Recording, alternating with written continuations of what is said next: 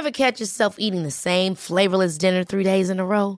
Dreaming of something better? Well, HelloFresh is your guilt-free dream come true, baby. It's me, Gigi Palmer.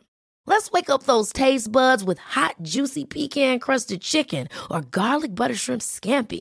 Mm. Hello Fresh. Stop dreaming of all the delicious possibilities and dig in at HelloFresh.com. Let's get this dinner party started. This is Paige, the co-host of Giggly Squad, and I want to tell you about a company that I've been loving, Olive and June. Olive and June gives you everything that you need for a salon quality manicure in one box. And if you break it down, it really comes out to $2 a manicure, which is absolutely insane. It's also so easy to get salon worthy nails at home with Olive and June. The difference between how your nails used to look when you did them yourself and now with the Manny system is a complete game changer. The best thing about Olive and June too is it's a quick dry, dries in about one minute, lasts for five days, and full coverage in up to one to two coats. Visit oliveandjune.com slash perfect Manny 20 for 20% off your first system. That's oliveandjune.com slash perfect Manny 20 for 20% off your first system system. Ryan Reynolds here from Mint Mobile. With the price of just about everything going up during inflation, we thought we'd bring our prices down. So to help us, we brought in a reverse auctioneer, which is apparently a thing. Mint Mobile unlimited premium wireless. Ready to get 30, 30, bit to get 30, bit to get 20, 20, 20, bit to get 20, 20, bit to get 15, 15, 15, 15 just 15 bucks a month. So, Give it a try at mintmobile.com slash switch. $45 upfront for three months plus taxes and fees. Promo rate for new customers for limited time. Unlimited more than 40 gigabytes per month. Slows. Full terms at mintmobile.com.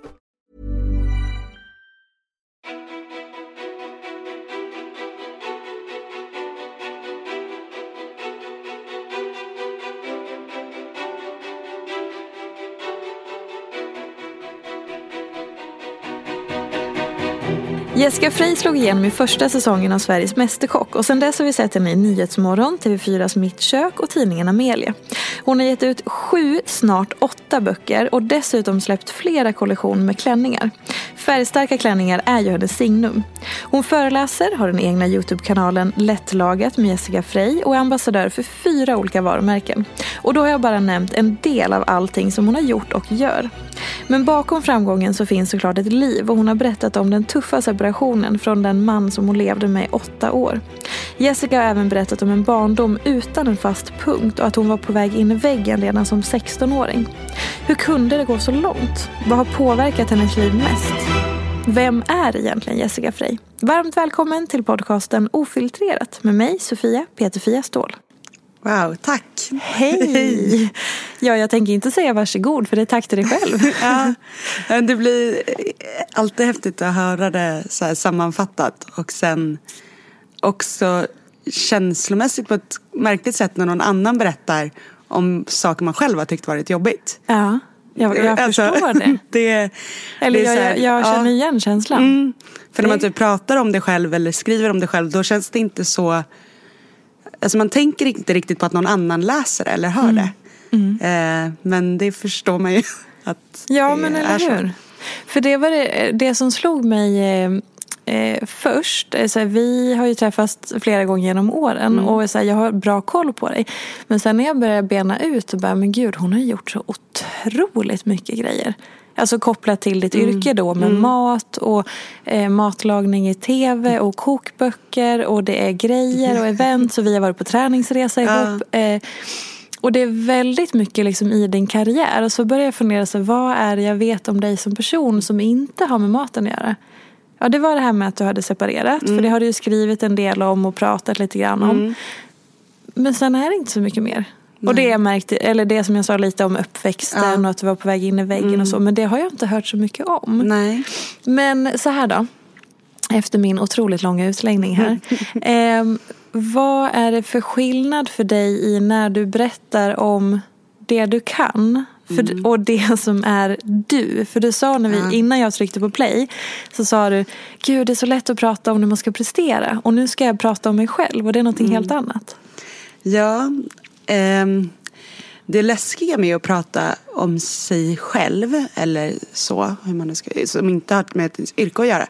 Det är ju att eh, där kanske man är mer rädd att saker och ting ska missuppfattas, att man inte ska kunna berätta hela bilden. Eh, kanske att man lämnar ut andra människor som är liksom inblandade som inte har valt eh, offentligheten som man själv någonstans har gjort. Mm. Eh, så därför är ju det mycket svårare i att, att prata om. Men att skriva om det på bloggen eller liksom om man lägger upp något på Insta-stories eller någonting, då känner man ändå att man har kontrollen någonstans. För där har man ändå valt att sätta det på pränt. Eh, men det är, ja, ska jag liksom laga mat i tv, hålla en föreläsning, liksom laga mat till hundra personer, allt det där kan jag ju. Jättebra. Liksom. Det, jag vet precis vad man ska göra och när och, och sådär. Så det är ju otroligt mycket enklare. Ja. Gud, laga mat till hundra personer. Inga problem. Jag bara blev svettig bara på tanken. Men det är så intressant att, att man kan vara så då, så här, som du säger, i det man gör, i det man kan. Där är det supertryggt. Även om du ju har ett yrke som du blir otroligt bedömd i. Jag vet ju att du till exempel har fått massa kommentarer om att du skulle vara gravid när du är på tv. Vilket eh, man blir ju så trött på så att man orkar liksom inte ens ta i det. Men just när det är den egna människan som inte ska prestera. Ja men precis. Och det är ju liksom, det är, alltså, alla så här taskiga kommentarer man får, det gör ju såklart ont alltid. Liksom. Och där kan jag liksom ibland bli irriterad på att man får höra så här, du har ändå valt ett offentligt liv. Det är liksom det som kommer på köpet på något vis. Vadå, så att du ska få kommentarer om din kropp, att du är gravid för att du har valt att laga mat i tv? Ja, jag menar alltså, det finns ju någon det. sån eh, sanning. Liksom, Ja. Att det är så här, är man med i leken får man leken tåla. Någonting Mm. sånt. Men jag tycker inte att det stämmer. Så jag går ju ofta in om jag ser kommentarer som liksom handlar om så här, vad jag har på mig eller hur jag ser ut eller så här, varför jag inte har förkläde eller vad det nu kan vara. Eh, då går jag ju alltid in och bemöter det. Ja. Så här, ja, men jag väljer ju själv vad jag har på mig. Jag känner mig jättefin i den här klänningen. Liksom. Eller nej, jag vill inte ha ett förkläde. Alltså, jag vill bara inte det, punkt. Eh, och då brukar jag ofta tystna. För då är det ju som att de som har skrivit kommentarerna förstår att så här, oj, jag såg visst det här. Eh, jag tror att de tänker inte på att det går ut. Liksom. Alltså att, jag, att det når mig som person. Liksom, utan tror mer att det är så här, det bara lite allmänt försvinner ingenstans. Liksom. Men även om man får hundra kommentarer på ett inlägg. Man hinner ju inte svara på alla för det är ju det som tar tid. Men man ser ju allt. Och det tror jag inte folk tänker Vad på. är, den, liksom, vad är den vanligaste kritiken som du får när du till exempel har lagat mat i tv? Nej men det är, handlar nästan uteslutande om att så här, kan du ta på dig ett förkläde? Eh, och så här, varför har du festkläder? Typ. Eh, För att du har en väldigt färgsprakande stil. Som jag sa, dina färgstarka klänningar Mm. är ditt signum. Och du har ju en väldigt feminin klädstil. Irriterar det folk?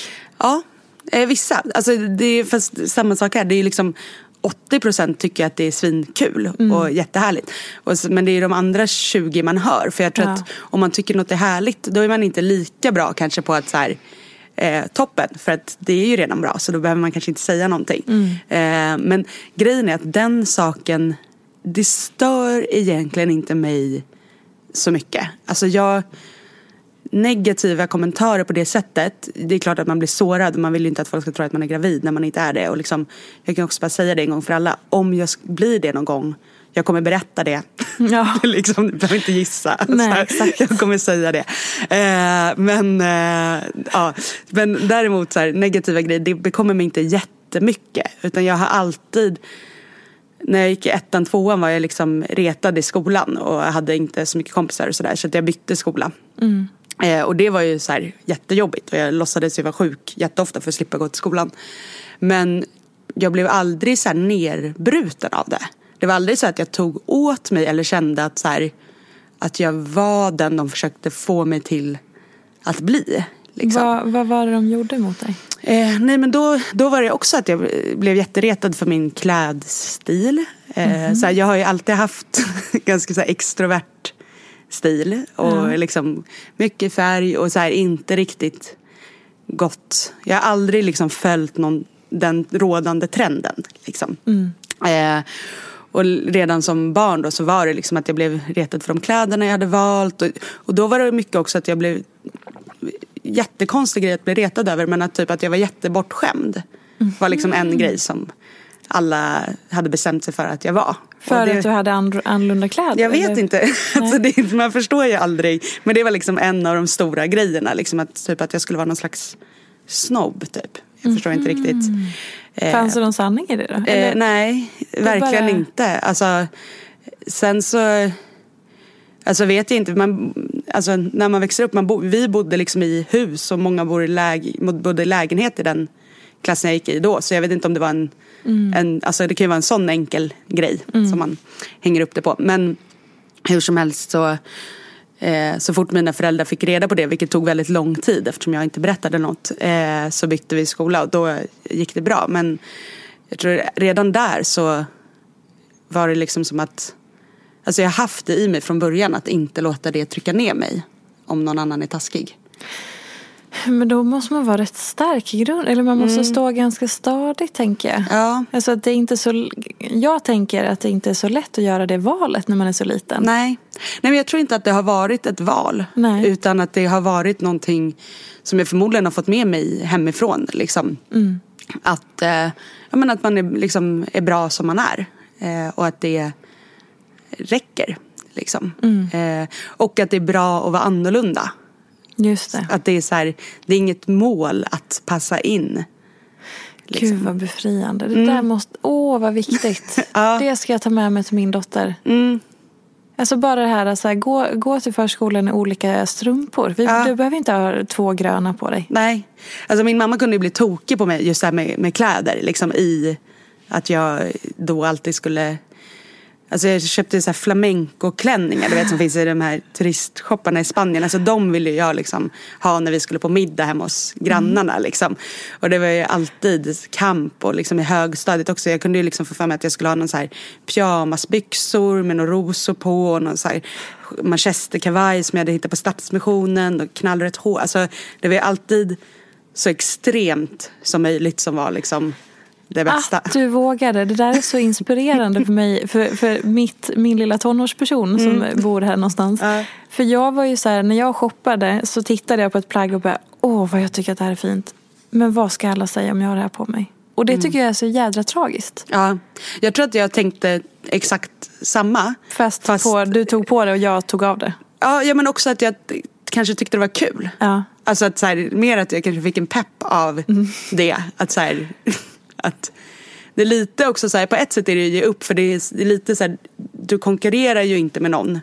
Eller du försöker, alltså om du försöker vara trendigast och snyggast liksom, då konkurrerar du ju med alla på något vis. Eller så här, blir jämförd med alla.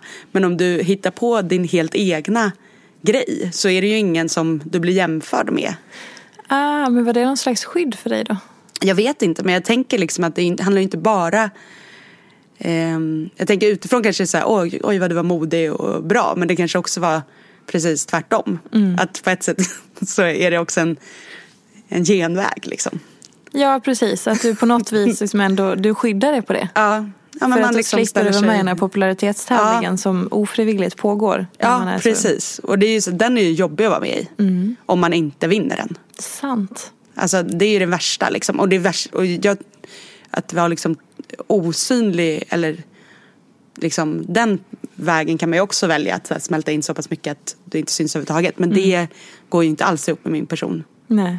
Det, det, det Men, och hur blev det då när du flyttade till den nya skolan? För då kommer du dit Mm. med ny som du var och sen så i din liksom, extroverta klädstil. Hur blev du mottagen där? Nej men då var det, var det jättebra för då hamnade jag med det gänget som jag hade gått på dagis med. Eh, så då var det liksom, då var ju de bara såhär, ja vad kul Jessica är tillbaka typ.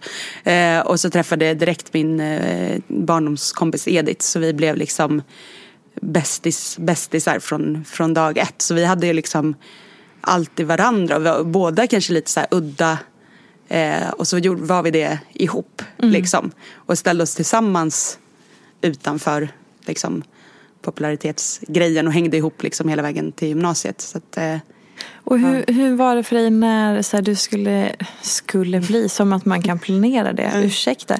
När blev du kär första gången? Alltså, I just det här med popularitetstävling och Mm. att liksom, träffa någon man är intresserad av. Liksom, hur var hela den grejen för dig då? Om du inte riktigt Jag ville har vara med i det där. alltid varit, alltså, jag har alltid haft liksom lätt att bli förälskad. Och så här, är en liksom passionerad, kärleksfull människa som vill liksom, så det har ju varit så här, jag var alltid ihop med någon. Liksom. Det var inte den som var ihop med tre personer i lågstadiet men alltid med någon. Liksom. Eh, och även i, liksom, i högstadiet och gymnasiet också. Liksom. Jag har egentligen alltid haft förhållanden. Eh, så det, Var det ville du inte vara ensam? jag vet alltså Jag har ju aldrig varit det egentligen ordentligt lång tid. Eh, Så att någonstans så, så vill jag nog inte det. Men jag har heller kanske aldrig riktigt varit, den här som sitter ihop med någon. Alltså där man är liksom eh, en person eller vad man ska säga. Eh, så Ja, det är svårt det där. För man har ju bara sina egna upplevelser. Man kan inte jämföra, liksom, direkt översätta till någon annan. Eh, men liksom, i högstadiet så, då var det ju, mina föräldrar skilde sig när jag var 12.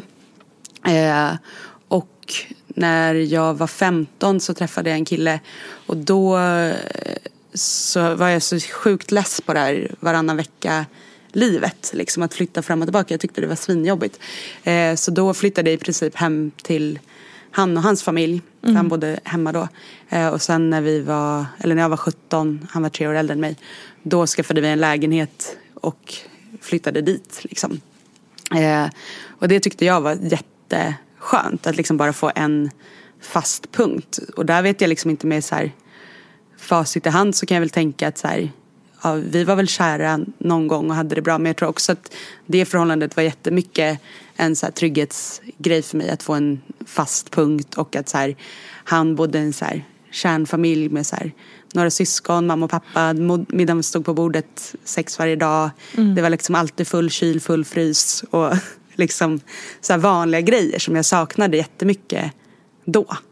För det Ehm. fanns inte hemma hos dig?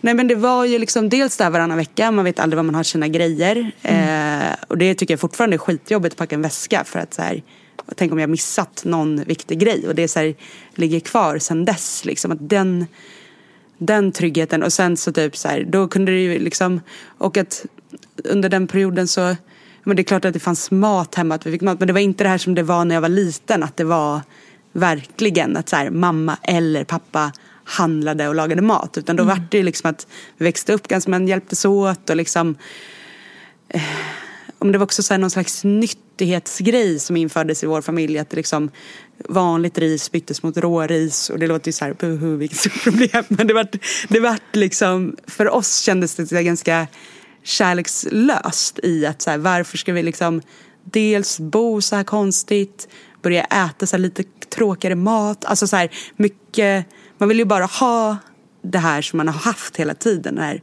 grundtryggheten liksom. Eh, Så det tror jag, så här, det förhållandet var jättemycket den grejen för mig, att få liksom vara lite barn igen liksom. Men hur var det då att flytta in hos din killes familj? Det gick jättebra. Det gjorde Alltså, det? ja. De tog emot dig med öppna Ja, armar? så det var inga Gud vad fantastiskt. Nu får man också, alltså jag var ju liksom som en liten vuxen från jag var typ 12. Alltså jag lagade ju mat, städade, tvättade. Alltså så att, För att du tvingades bli det? ja, eller liksom, och också tror jag för att jag var redo för det. Alltså, jag tror dels omständigheter gjorde att jag mognade snabbt men också att så här, jag hade förmodligen gjort det ändå. Liksom, fast kanske på ett mjukare sätt. Liksom. Eh, men, eh, och jag har, idag känner jag liksom ingen Alltså jag har ingen aggression mot att det blev som det blev eller någonting. Utan jag ser det snarare som att så här, det var jobbigt där och då. Det, men jag mår bra där jag är nu. Och alla de där grejerna har ju också gjort att jag har kunnat komma så här långt på ganska kort tid. För att jag började så himla tidigt. Liksom. Så att allting har ju något gott med sig också. Men så att för dem, att du flyttar in en 15-årig tjej som också hjälper till med allting tror jag bara var skönt. Liksom, Och att så här, inspirerade de andra tror jag att ta tag i grejer också. Vad häftigt ändå att, du, att de tog emot dig så. Det är nog inte Ja. alla som skulle göra det. Nej, nej det har jag aldrig liksom jag har inte reflekterat över det på, på det sättet riktigt. Nej, men jag det, tänker att ja. här, det är inte självklart att flickvänner och pojkvänner i den åldern är så uppskattade av föräldrarna. Nej. Kanske en liten egen erfarenhet. Inga, ingen namn nämnda. Nej. Men eh, att, nej men jag, ja. Mm. Det Och just att ta steget att nu får du bo här. Ja, och det var ingen så här, det var ingen flytt, alltså det var ju inga så adresser som flyttades. Nej, nej. Eller så här, utan det är ju något lite, lite mjukt man Mm. gör. Att så här, helt plötsligt kommer man inte hem så mycket. Liksom. Eh, men det var väldigt befriande för mig. För att då när jag var ja, men, 16 där när man gick i gymnas, började gymnasiet och det var så här jättemycket press från skolan och det var superhögt studietempo och, och just det här då att bo liksom ibland hos sina pojkvänner, ibland hos mamma, ibland hos pappa eh, och så var man i skolan hela tiden. Det blev liksom för mycket för mig och då gick jag till eh, vår kurator på skolan som var skitgrym. Ehm, och alltså, som alla som har gått i terapi någon gång vet att så här, första sessionerna sitter man bara och gråter och vet inte, får ingenting sagt. Eh, och sen kan man börja jobba lite och då gjorde hon en så himla bra grej att hon så här, ritade upp allt som jag pratade om, allt som jag tänkte på liksom. Eh, och sen så strök vi över allt som inte gav någon energi tillbaks som bara var så här orosgrejer, så bara skit i det här. Och sen så var han så här, men vad skulle liksom det krävas för att du skulle känna ett lugn igen, liksom, att du skulle må bättre. Och då var det liksom, och det är fortfarande det att så här, jag vill bara ha en nyckel på min nyckelknippa. Att inte så här, det där fladdret var liksom det som, alltså jag vill bara så här, här bor jag, jag kommer hem till mig själv. Med mina saker liksom. Ehm, så det har liksom varit en sån drivkraft från dess liksom. Och då skaffade vi en egen lägenhet efter det och bodde där. Och det var jätteskönt. Men sen så tog den eh, relationen slut och det var liksom egentligen inte, alltså det var dags så det var inte så jobbigt så. Och då flyttade jag ihop med en tjejkompis eh, och bodde med henne ett tag. Men när jag liksom väl sen, jag tror jag var 21 eller 22, när jag och mitt ex köpte liksom en bostadsrätt. Det var liksom den skönaste känslan i livet. Att bara så här, här, kan jag, här kan jag vara hur länge jag vill tills jag själv väljer att dra liksom. Ja. Det har jag fortfarande inte gjort. Nej, för du och det här, eh, din, ditt ex då, som ni levde tillsammans i åtta år, om jag förstått Mm. Nästan, det ja. Men, och då, så du, nu ska vi se, du är född 89, så att ni... Vi träffades när jag eh, precis hade fyllt 20. Just det, och Mm. gjorde, separerade då för bara, är det två år sedan? Ja, alltså det var ganska, alltså det var 2017, alltså ja, efter årsskiftet där 2017. Hur svårt var det? En jättelöjlig fråga. Ja. Eh, alltså det är sånt, Ja. det måste ju vara ett... Fy fasen vilket svårt Ja. beslut. Jag tror att ehm, jag är liksom rätt bra på snabba beslut. Eh, tar jag alltid liksom. Men det här är ju alltid en sak som så här växer fram. Och det tror jag alla som har så här haft ett långt förhållande och eh, gått ifrån det känner igen. Men det är ju liksom, om man blir tillsammans med någon när man är 20. Eh, då jobbade jag som receptionist eh, på ett stort företag och liksom med allt vad det innebär. Och sen så tills jag då eh, var 27 och har den karriären som jag har idag. Så man förändras ju jättemycket som person. Ehm, och liksom ens mål och ens, hela ens sätt förändras ju ganska mycket. Eh, och det tror jag är ganska svårt för en relation att klara den, den förändringen. Samtidigt är det väldigt svårt också själv att förstå den eftersom man är i den. Eh, men för mig var det inte, det var liksom att jag bara insåg att så här, liv, alltså det här måste, livet måste vara mer. Så här, vi kan, det här som vi har tillsammans det är liksom att vi är i samma byggnad. Alltså, och gör varsin sak. Vi delar liksom ingenting längre. Ehm, Var det som att ni liksom slutade prata om vardagsgrejer och dela med er av... Han drev också, jag, vi har ingen kontakt idag och jag vet inte vad han gör nu. Men han har också eget företag. Så att vi var båda väldigt inne i våra olika företag och det vi pratade om var våra olika företag. Eh, och det är ju ganska roligt och inspirerande liksom, att göra det och ha någon att bolla med som är i samma liksom, tankar. Men det blir också att det är bara det det man har tillsammans. Man har liksom inga intressen utanför jobbet. Liksom. Ehm, och jag tror att han älskade att jobba mer än vad jag gjorde. Så att hans företag var viktigare för honom än allt annat. Liksom. Mm. Ehm, och så har det liksom aldrig varit för mig eftersom mitt företag är min hobby. Mm, just liksom. det. Och var det då ett gemensamt beslut eller var det du som började alltså, känna? det, ja, det var mitt beslut. Liksom. Eller jag kom väl fram till att här, det finns ingen annan utväg. Eh, så det är så här det måste gå till. Eh, och, men sen så landade ju han i det senare och förstod och accepterade och var liksom ja, ja så att det landade väl i något slags gemensamt beslut ändå. Men mm. eh, jag, alltså som det ofta är när det tar slut, att det är en som har tänkt på det längre. Och då är man ju färdig snabbare för man har liksom redan bearbetat allting mm. om du får det kastat på dig. Då måste du liksom börja från dag ett. Just det. Det är så här, jättesvårt att veta men mm. ungefär hur lång tid tog det från att de här tankarna, att du kände första gången mm. att det här är någonting som inte står rätt till eller shit. Vet, innan man mm. börjar så här, ignorera Nej, det. Ja till att du bara nu måste, ja. och så till att du faktiskt tog beslutet? Nej det gick fort. För grejen var att när poletten trillade ner för mig, att så här, vi borde nog göra slut istället. Alltså mm. så här, det är inte, det hänger inte på någonting annat än det liksom. Då vart det glasklart. Mm -hmm. Liksom att det vart mer som att, så här, att jag ignorerat alla problem ganska länge. Och sen när poletten trillade ner, att så här, men där är ju svaret. Mm. Då var det liksom dagar från det tills att jag... Det var så ja. pass, trots att ni hade lägenhet ihop? Ja, liksom. och, det, och då berättade jag det för honom. Och så var det liksom total krasch, man ligger och gråter i några dygn. Liksom. Mm. Och sen så var det så här att han var så här, men okej, men hur, hur vill du göra liksom? Hur gör vi? Och jag ville bo kvar. Mm. Um, så att, uh, och då sa jag, men jag har tänkt liksom att så här, jag vill jättegärna bo här.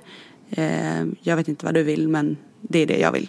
Och uh, då var han så här, okej, okay, det blir bra. Jag har ingen aning om vad jag vill. Så att, mm. eh, på liksom typ nästa dag bokade vi möte med banken, fixade allting och så började vi packa och sen flyttade han. Och sen har ni inte hörts? Ja, vi har hörts några gånger sen, sen dess liksom. Men eh, inte på ett år ungefär nu. Millions of people have lost weight with personalized plans from Noom. Like Evan, who can't stand salads and still lost 50 pounds. Salads generally for most people are the easy button, right? For me, that wasn't an option. I never really was a salad guy. That's just not who I am. But Noom worked for me. Get your personalized plan today at Noom.com. Real Noom user compensated to provide their story. In four weeks, the typical Noom user can expect to lose one to two pounds per week. Individual results may vary. Life is full of what ifs. Some awesome, like what if AI could fold your laundry? And some, well, less awesome, like what if you have unexpected medical costs? United Healthcare can help get you covered with Health Protector Guard fixed indemnity insurance plans they supplement your primary plan to help you manage out of pocket costs. No deductibles, no enrollment periods, and especially no more what ifs. Visit uh1.com to find the Health Protector Guard plan for you. This is Paige, the co-host of Giggly Squad, and I want to tell you about a company that I've been loving, Olive and June. Olive and June gives you everything that you need for a salon quality manicure in one box. And if you break it down, it really comes out to $2 a manicure, which is absolutely insane. It's also so easy to get salon worthy nails at home with Olive and June. The difference between how your nails used to look when you did them yourself and now with the Manny system is a complete game changer. The best thing about Olive and June too is it's a quick dry, dries in about one minute, lasts for five days, and full coverage in up to one to two coats. Visit oliveandjune.com slash perfectmanny20 for 20% off your first system. That's oliveandjune.com slash perfectmanny20 for 20% off your first system. If you're looking for plump lips that last, you need to know about Juvederm lip fillers. With Juvederm Volbella XC and Juvederm Ultra XC, your lip look, whether it's subtle or bold, can last up to one full year with optimal treatment and no additional maintenance. Find a licensed specialist and see if it's right for you at juvederm.com today. That's J U V E D E R M.com. Add fullness to lips in adults over 21 with Juvederm Volbella XC or Juvederm Ultra XC. Do not use if you have severe allergies or a history of severe allergic reactions, or if you're allergic to lidocaine or the proteins used in Juvederm. Tell your doctor if you have a history of scarring or taking medicines that decrease the body's immune response or that can prolong bleeding. Common side effects include injection site redness, swelling, pain, tenderness, firmness, lumps, bumps, bruising, discoloration, or itching. As with all fillers, there's a rare risk of unintentional injection into a blood vessel, which can cause vision abnormalities, blindness, stroke, temporary scabs, or scarring. For full important safety information, visit juvederm.com. Visst är det fascinerande. Jag vet inte om jag tycker att det är märkligt eller bra. Eller jag vet inte alls vad jag tycker. Men det är fascinerande att man kan dela ett liv Mm. med någon i så många år. Och sen så bara gör man inte det längre. Och så Mm. den personen så var det viktigaste man hade. Mm. Jag har ju också, Ja. alltså, som eh, en kille jag var tillsammans med innan min man. Så här, Mm. Vi delade ju så mycket under en väldigt intensiv period i många år i livet. Vi har ju ingen kontakt idag. Nej. Och på ett sätt är det en så befrielse att man Ja. så inte har gemensamma barn eller så. Mm. Så att man kan liksom verkligen kan klippa. Mm. Och det kan också vara något, eller jag kan se det fina nu i att så här, jag kan minnas det bra. Mm. Eh, och det är väl liksom, och jag kan förstå mig själv nu när man är kommit ut på andra sidan ordentligt. Liksom att så här, ja, men det var bra, alltså jag kan se på alla mina förhållanden som så här, det var bra där och då därför. Mm. Och här, jag förstår varför jag gjorde så här och kände så här och föll för den här mannen. Jag kan också förstå varför jag lämnade liksom. Mm. Eh, och det är ändå något, alltså, något mysigt och något tryggt i det på något vis. Och så ibland så kan det ju liksom man kan se någon grej som påminner om den personen eller typ höra något internt skämt som man hade och så kan man liksom minnas det med lite så här vemod och värme. Ja. Liksom. Och det är rätt skönt. Att det inte blir, alltså att man inte drar det så långt att man hatar varandra eller är otrogna mot varandra eller liksom att det skiter sig på riktigt. Utan att man faktiskt kan klippa innan. Mm. Tror jag är bra.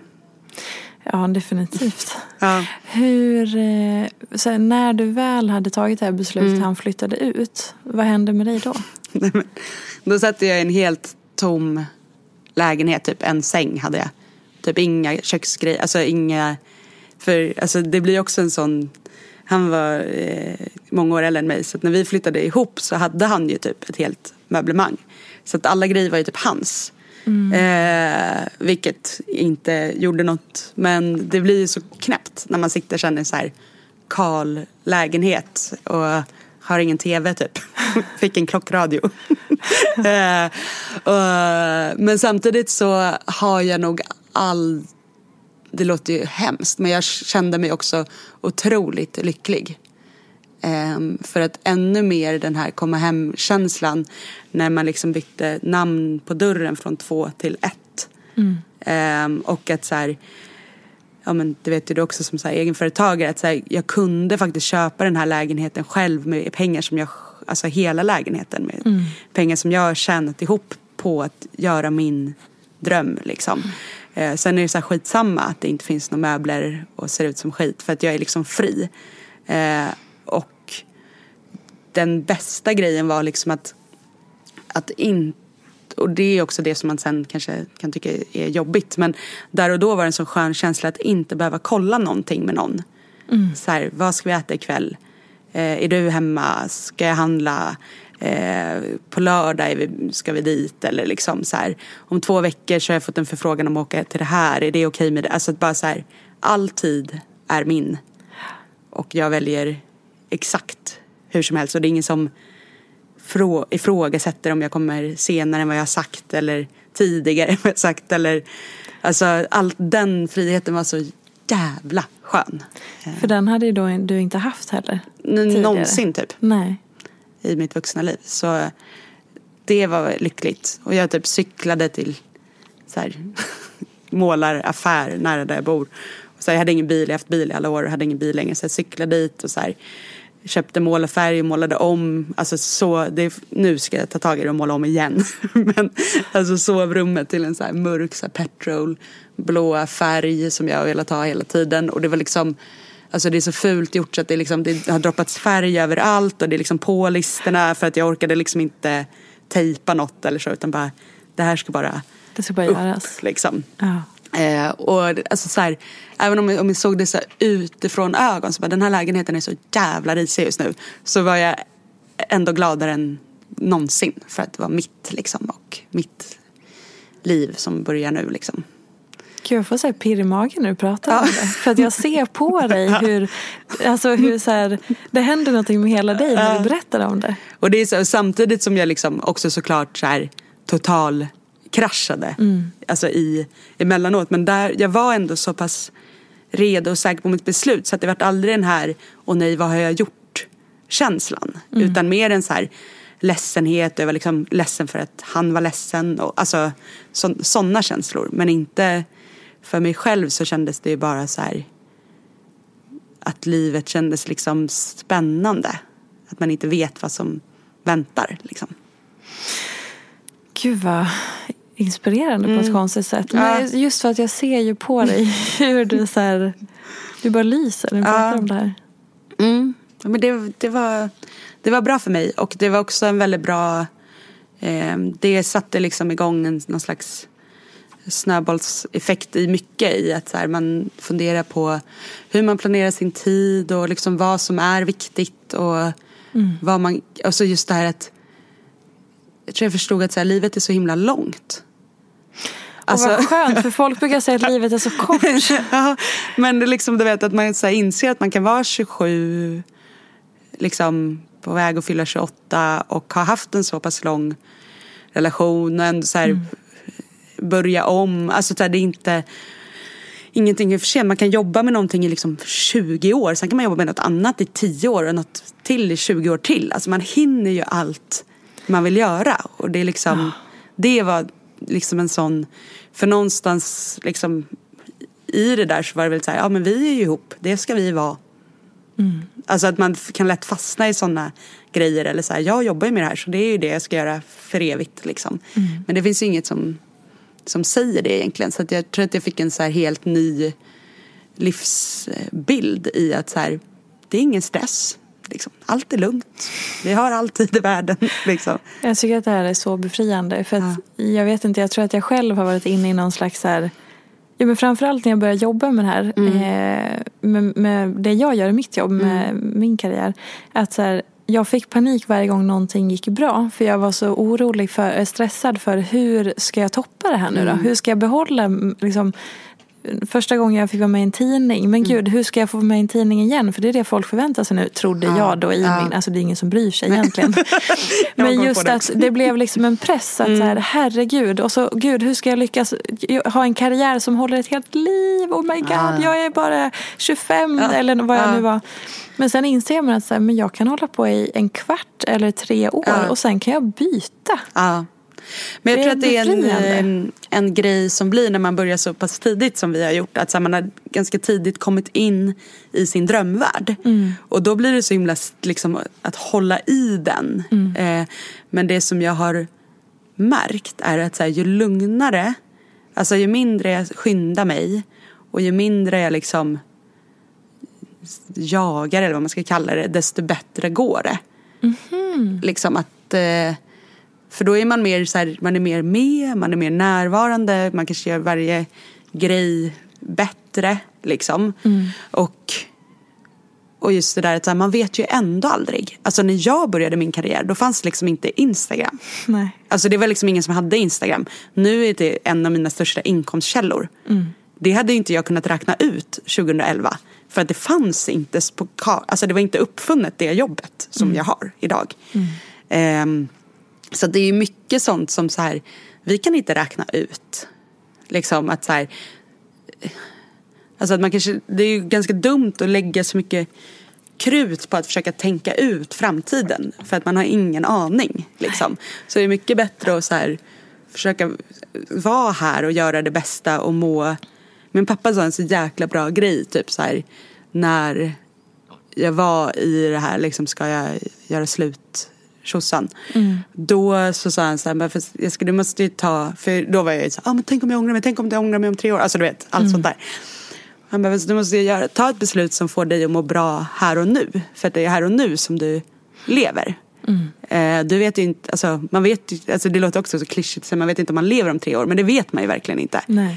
Eh, så att man kan inte ta beslut som man tror är bra för en framtida version av sig själv som man inte ens känner. Liksom. Exakt. Eh, och det har jag liksom levt ganska mycket efter sen dess. Så här, ta, ta beslut som funkar nu. För det det är här och nu vi är i liksom. Ja, och det är ju som att ingenting, det är väl det enda som jag har lärt mig hittills efter att ha levt i snart 31 år, att det kommer, det kommer aldrig bli som du har tänkt eller planerat. Inte ens hälften blir det. Nej. Ofta Men blir det bättre, Ja. eller annorlunda. Och ibland blir det sämre och skit. Men oftast det glömmer man blir ju det ju bort. bättre. Ja, Alltså, eller, så här, Ja. eller jag är sån i alla fall. Om något inte går vägen då släpper jag ju det direkt. Jag går ju sällan och tänker tillbaka fan att jag inte fick det där jobbet som jag ville ha för två år sedan. Alltså det har jag totalglömt. ja. Eh, det är liksom allt som går sämre lämnar man ju liksom. Och allt som går bra så går man upp i det och blir bättre på det. Så att jag tror liksom men jag tror jättemycket på att inte, alltså inte skynda sig så mycket, inte stressa så mycket.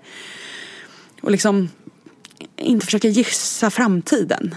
Ehm, för det är det tror jag som skapar den här gå in i väggen känslan. Eh, nu har jag liksom aldrig kraschat helt men jag har känt mycket så här varningsklockor och varit väldigt så här dels också för att så här, sådana som du har pratat mycket om det så jag har varit väldigt så här tydlig med mig själv att så här, jag får jag får aldrig hamna där på riktigt. För gör jag det då tar det så jävla lång tid. Och det orkar jag inte. Typ, alltså, så här, det, får aldrig bli, det får aldrig bli verklighet. Men, men när man har känt alla de här grejerna då är det ju ofta för att man försöker liksom jag kommer ihåg en sommar, det var sommaren 2017 när jag skrev alla matrecept i tidningen Amelia.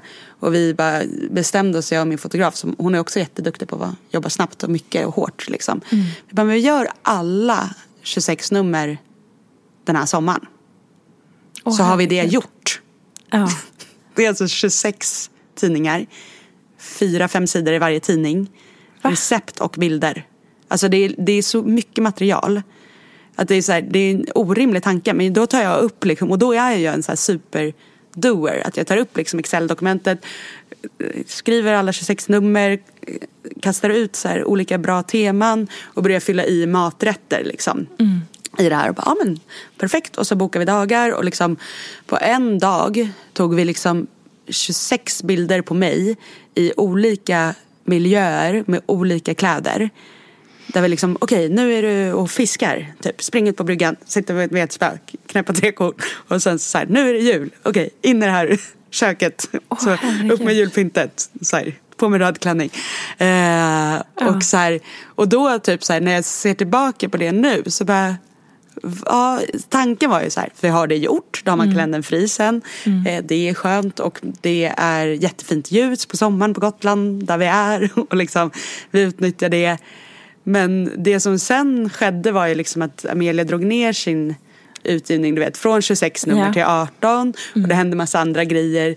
Så att det vart ju liksom ganska krångligt med alla de här numren vi hade gjort, att få in dem på ett snyggt sätt och bra sätt. Och då hade vi massa teman som kanske inte riktigt fick plats någonstans. Och grejer vi fick steka. Så att det vart ju mycket jobb vi hade gjort som inte Som inte som inte kunde använda riktigt på något sätt. Och då kunde vi använda det till något annat. Men det var ju så himla tänkt och gjort för det här. Och då bara oj vad skönt det hade varit att vara, ha mer än fem dagar semester som jag hade den sommaren.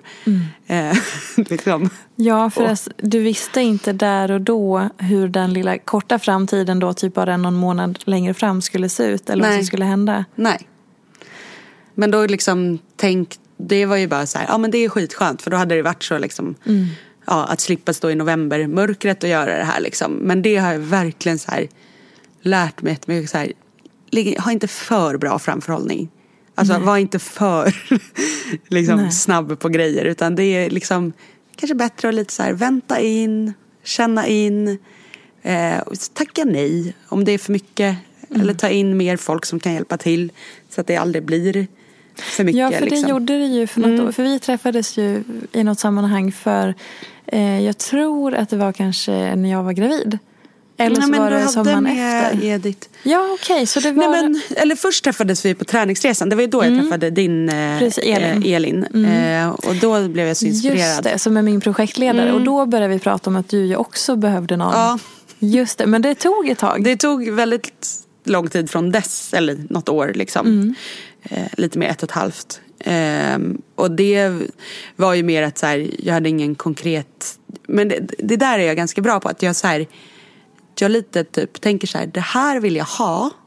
Kan det snälla komma till mig? Eh, och sen så brukar det ofta göra det. Hur liksom- tänker du då? Nej men det finns ju något, och det här, nu blir det flum. Men det Ja. finns ju någon... Law of attra- Ja. attraction. Law of attraction. attraction. Mm. Ja men att så här, och jag tror på det. Ja. Eh, mycket. För mycket i mitt liv är extremt så här, man kan hänföra många händelser till att så fort jag har bestämt mig, så här, det här ber jag om, det här vill jag ha, då trillar det in.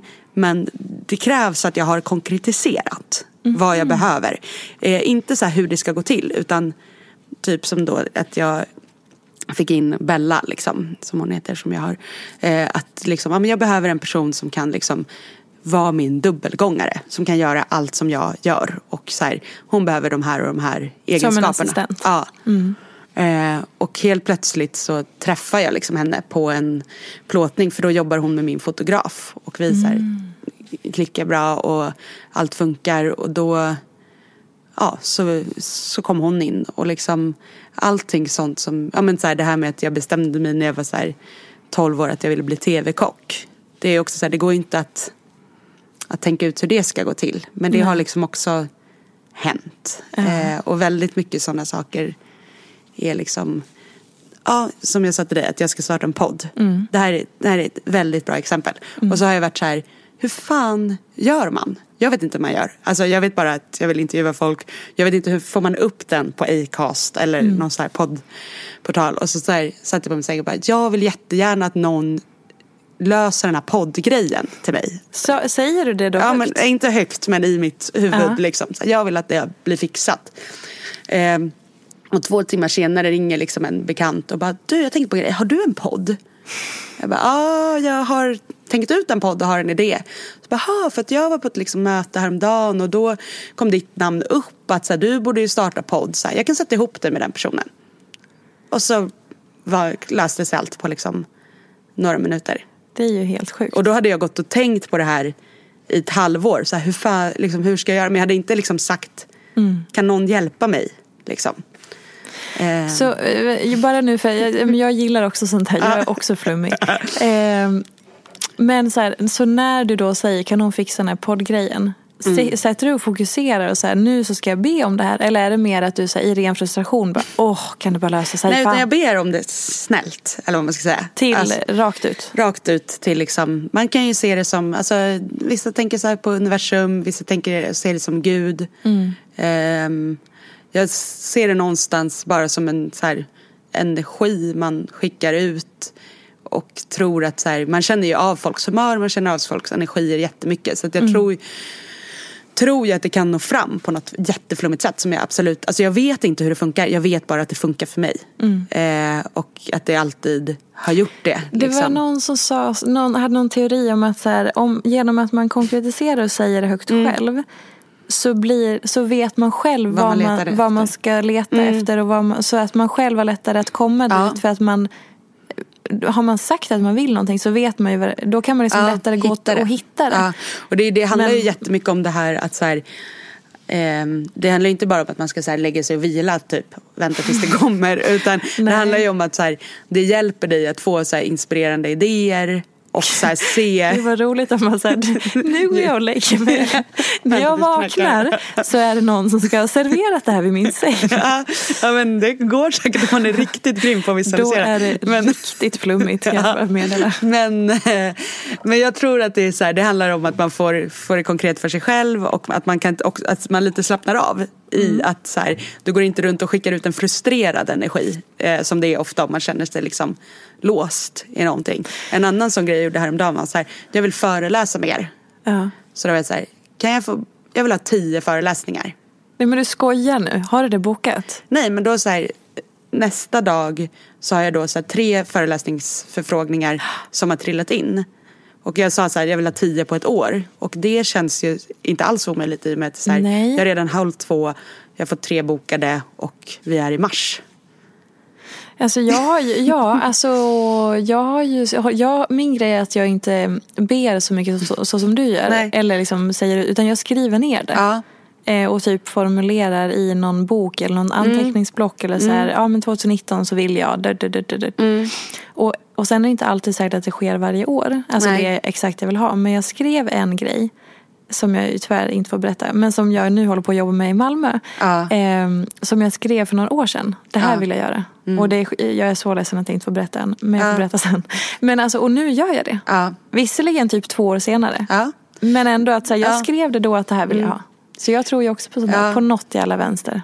Ja, men jag, ja, och det är så här, jag är ganska så här, jag är alltid så här lat till det. Jag förstår inte hur teknik fungerar och eh, så här, matmässigt när folk bara, men varför blir det så att liksom den stelnar när du har i citron typ? Och jag är här, ingen aning, men den gör det och jag, jag bryr mig inte varför. Alltså så här, jag- är så ointresserad i Och- varför, bara glad att jag vet att den gör det. Åh gud, du och jag har så, så många likheter.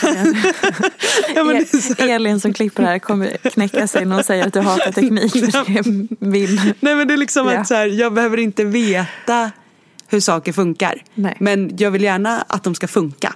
Så att jag har liksom hög tillit till att det kommer fungera. Ja. Och jag är inte så här, jag drar mig inte för att här, gå in och typ så här, installera något på min hemsida. Alltså jag testar mig fram och det, ibland går det. Liksom. Jag blir skitsur om det inte går.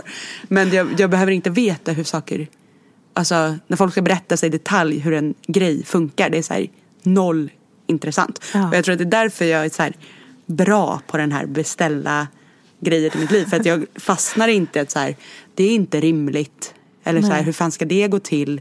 För jag tror att det är ofta det man så här, alltså om jag skulle önska någonting som jag liksom inte kan tro på ska ske så kommer det ju heller inte ske. Utan Nej. du måste ju liksom önska rimliga grejer som du kan tro på. För då kan du få in dem och, och inte fastna i hur det ska gå till. För det har man ingen aning om.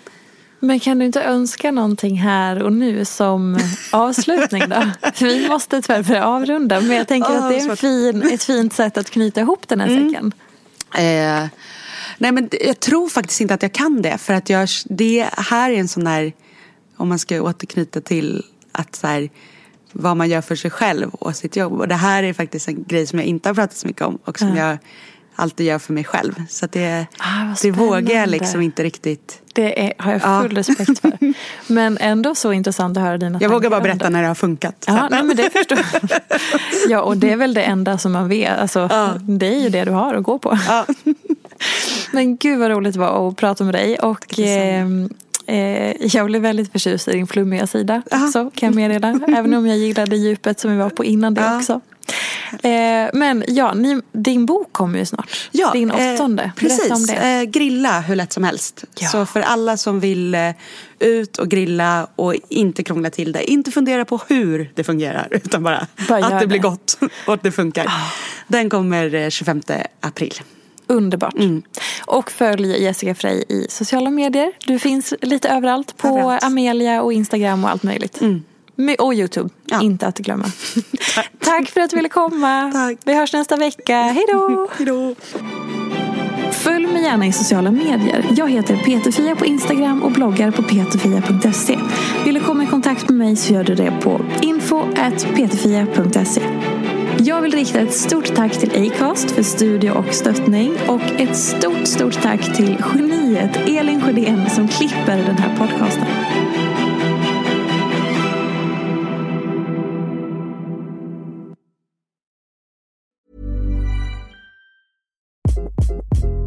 Hi, this is Craig Robinson from Ways to Win, and support for this podcast comes from Invesco QQQ. The future isn't scary, not realizing its potential, however, could be.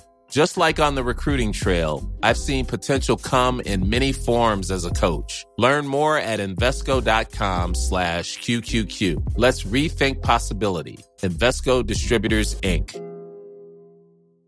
Ever catch yourself eating the same flavorless dinner three days in a row? Dreaming of something better? Well, HelloFresh is your guilt-free dream come true, baby. It's me, Kiki Palmer. Let's wake up those taste buds with hot, juicy pecan crusted chicken or garlic butter shrimp scampi. Mm. Hello Fresh. Stop dreaming of all the delicious possibilities and dig in at HelloFresh.com. Let's get this dinner party started.